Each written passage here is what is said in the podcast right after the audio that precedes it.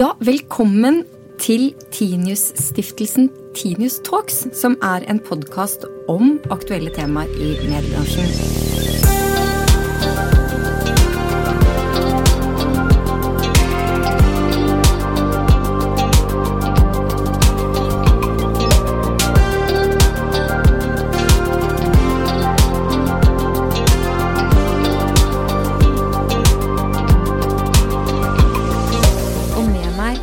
Har jeg André Støylen, som er styreleder for Amediastiftelsen og leder av Sparebankstiftelsen.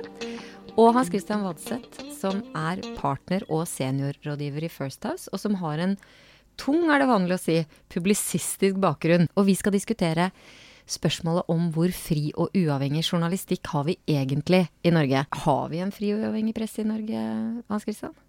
Ja, det vil jeg si at vi har. Så Der er problem som, som bør tas fatt i.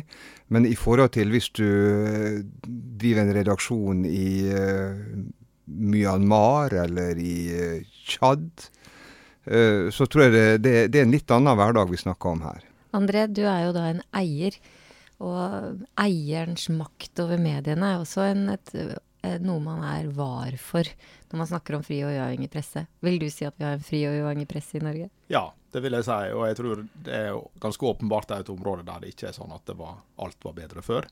Um, vi, har ikke, vi har ikke veldig tett tilknytning mellom parti og aviser, sånn som du hadde for noen tiår siden. Um, jeg tror også at det, er, det var enda tettere uh, relasjon eller avhengighetsforhold mellom redaksjoner og annonsører for noen tiår siden enn det er nå. Og det er klart Mange aviser er jo en del av større konsern, men der er for mitt inntrykk, i hvert fall i det konsernet jeg kjenner best, som er av media, men også andre av de store i Norge, så har man en veldig respekt for den redaksjonelle uavhengigheten til hvert enkelt medium som er i eh, konsernet. Jeg, jeg, jeg tror det det er en sånn klassisk problemstilling litt at vi, vi tenker på redaksjonell frihet og ufrihet knytta til eierne og til, til, eh, til deres krav til utbytte, f.eks. Jeg tror ikke det er der ufrihetsutfordringene ligger. Jeg tror de ligger i de nye, store trendene som vi ser i media, og som skaper nye situasjoner som man ikke så for seg for, for ti år siden. Hva slags trender tenker du på da? Jeg tenker på det at, uh, at det er uredigerte medier som er mye, mye større enn de redigerte mediene. Jeg tenker på det at uh, det er et tidspress i journalistikken som er utløst av uh, at uh, publiseringa er blitt digital. Du har deadline i praksis 24 timer i døgnet, 365 dager i året. En veldig viktig komponent for ufrihet, eller i hvert fall for påstand om ufrihet, er jo politisk slagside. Eh, Og jeg ser på deg, André, fordi at du har jo bakgrunn som Høyre-politiker, finansbyråd i Oslo i mange år. Eh, mens pressen jo ofte, og oftere vil jeg hevde, anklages for å være venstrevridd. Eh, hvordan, med ditt, med ditt blå blikk, for å si det sånn, eh, hvordan oppfatter du det, og oppfattet du det da du var en aktiv politiker? Det er, det er ikke tvil om at journalistene i større grad enn befolkninga stemmer på partiet til Venstre. Det er jo utvilsomt. Men, men jeg, er ikke, jeg, er ikke, sikker på hvor mye det faktisk påvirker journalistikken. og Det er helt greit at en, uh, en avis har en redaksjonell linje.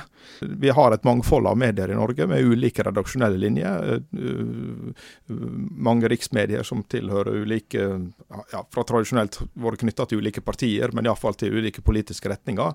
også et stort mangfold blant lokalavisene, hva man, man hører til. Og det, det, tror jeg folk forholder seg til ganske greit. At, at det finnes en, en, redaksjonell linje i en avis, er OK så lenge du ellers føler at du kan stole på det som står i avisa. Jeg tror også at journalistene går inn i roller.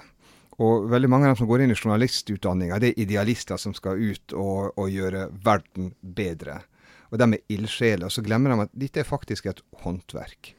Og jeg mener det er en av ufrihetene i journalistikken. Det er at man definerer rolla si som journalist på en sånn måte at journalistikken noen ganger bærer galt av sted. Man definerer f.eks. Det er en fin ting. Man er den lille manns uh, eller kvinnes uh, talerør opp mot makta. Det er veldig bra. Men noen ganger har makta rett. Og den lille mann eller kvinne tar feil. Og da må journalistene klare å se det og forholde seg til det i den saken. Og det er ikke alltid de klarer å gjøre.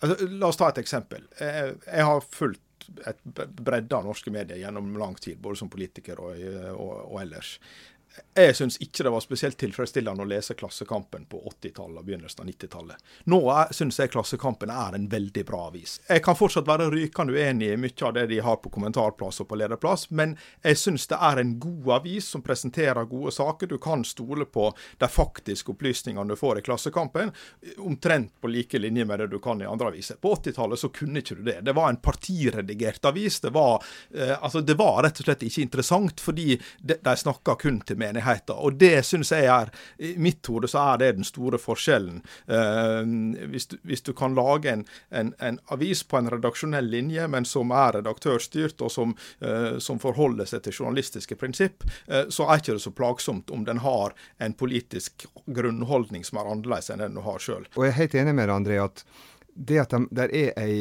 ei, politisk linje, ei, ei, samf, altså ei linje i samfunnssynet, det er veldig bra.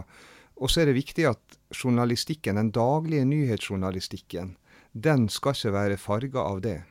Den skal ikke være prega av de samme holdningene som redaktørene skriver i, i lederne sine. Men ikke sant, vi, vi, eh, vi, knakk jo sammen i latter da det ble snakket om alternative facts etter at eh, Trump ble innsatt. Det var jo særlig det eksempelet som ble brukt den gang, med hvor mange som deltok, som selvfølgelig ble feil. Men, men et av mine eh, favorittsitater fra en sang, faktisk, er Talking Heads som snakker om at 'facts all come with a point of view'.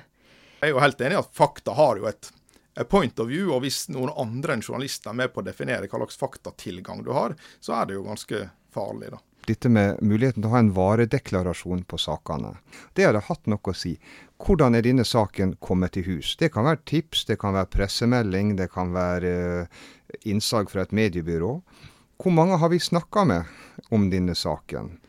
Eh, hvor lang tid brukte vi på denne saken? Sånn at, det skal ikke være noe flaut å si at denne saken brukte vi faktisk tolv minutter på, for vi trykka i pressemelding. Da vet det. Mens andre saker brukte vi faktisk fire personer i to uker for å få frem. Ja, men da vet jeg noe. Det, det sier meg noe om, uh, om kvaliteten på ting. Mm.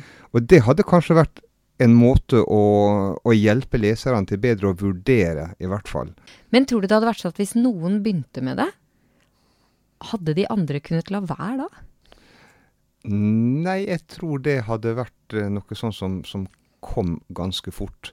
Det var noe som jeg også prøvde å innføre som, som redaktør i sin tid. Men det tok mye lengre tid enn det egentlig skulle, fordi det var intern motstand i redaksjonen mot å gjøre dette.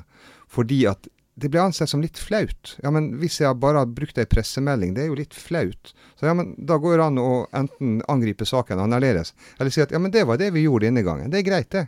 Jeg som redaktør hadde vært happy med det. Men, men da fikk du en intern treighet og motstand også, som, som påvirker litt. Mm.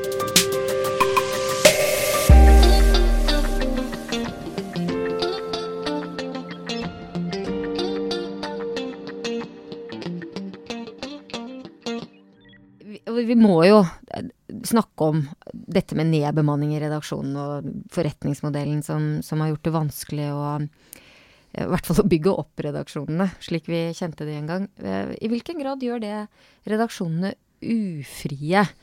har det noe å si for, for frihetsgraden, eller er det, bare, er det bare et brutalt faktum? Jeg, jeg, jeg har litt vanskelig for å være veldig, veldig tydelig på det. Det er klart, det har all, Nesten alle avisene har vært gjennom en ganske kraftig eh, runde de, i løpet av de siste åra. Det er jo en form for ufrihet i, i det også. og det, eh, Mer ressurser hadde gjort noe med det, for du hadde hatt flere folk eh, på. Men, men tidspresset hadde jo vært der likevel. Norske medieeiere har rimelige krav til avkastning. Og Det betyr at hvis forretningsmodellen din ikke er bærekraftig til at du tjener penger i det lange perspektivet, så må du faktisk gjøre noe med det. Jeg er jo sikker på at A-media kommer til å måtte øh, jobbe smartere med færre folk om noen år enn de gjør i dag.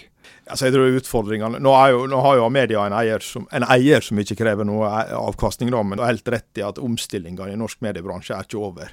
Jeg håper vi er gjennom det verste, og de st store kuttrundene det har iallfall vi sluppet de siste uh, to åra, og de økonomiske resultatene er gode. Men annonseøkonomien er jo fortsatt på rask tur ned, og det vil jo føre til Altså man vil fortsatt måtte tilpasse kostnadene til den virkeligheten. Men disse annonsørene, da? De eh, forsvinner jo eh, over til, eh, til, Facebook og Google. Og, men de som er igjen, har de egentlig en litt ubehagelig stor makt over redaksjonen, tror du, Hans Christian? Altså, du, du, må jo ta inn content marketing som en ny annonseinntektskilde i dette. Men nei, altså, jeg, jeg, jeg tror norske medier og norske redaktører er tøffe nok til å, å fendre av utidige angrep uh, fra, fra annonsører. Men jeg tror det kan godt hende at uh, historikken har, har, vært dårligere. Altså jeg tror Går du noen tiår tilbake, så var det jo en, en, tett relasjon mellom annonsør og redaksjon. De var i samme by, og de kom inn i redaksjonen og tegna annonser og sånn. Det er jo ikke sånn lenger. Altså Nå er det kjedemakt som gjelder på forhandlersida, og det er konserner som gjelder på øh, øh, blant publikasjonene. Det er ikke noe særlig direkte kontakt mellom annonsøren og, øh, og den lokale redaksjonen. Iallfall ikke på samme måte som det Men jeg, vil, jeg vil tro utfordringene er større for dine lokalaviser enn for Skipsted sine, sine større titler. sannsynlig sannsynligvis. Eh, Men, jeg, jeg, jeg, får noen ganger folk som ringer til meg og sier du, jeg, jeg må ha hjelp, jeg må komme i, i, i avisa. Vet du hva, Vi har rykka inn to helsides annonser, de vil likevel ikke skrive om oss. Mm. Og så må vi ta på en måte det her noe grunnleggende Ja, men det er ikke sånn det foregår. Eh, så, så jeg, jeg, tror det finnes ute, men jeg, jeg tror ikke det er et stort problem. Nei, for jeg tror det kanskje er en forventning hos noen annonsører på det, men det, de historiene forteller jo at det, jeg tror ikke redaksjonene lar seg imponere av at de har hatt annonse i avisa. Uh, jeg tror ikke det. Men altså, Det er jo stort sett sånn at uh, ting blir bedre over tid. Altså, Johan Borgen sa at, at Dagbladet sin gullalder var i beste fall en bronsealder. Med det mente han at det var ikke så bra i gamle dager. Og Vi ser på utviklinga av norske medier. Det er en mye større profesjonalitet. Det er mye større generell kvalitet. Men jeg tror det er derfor også at når det går galt, så ser vi det som mye bedre. Da jeg begynte i VG, så skulle vi aldri eh, lage journalistikk på andre sin dårlige journalistikk. Det er ja, 30 år siden nesten. Det gjør man nå for et par tiår siden så var det veldig lite som du var inne på, det var veldig lite at, at aviser skrev kritisk om andre, det andre avisesopplag. Det kunne godt ha vært mer av det nå, men nå finnes det iallfall. Nå er det redaksjoner som tør å ta opp noen diskusjoner og også henge ut kolleger i andre redaksjoner som har gjort en dårlig jobb.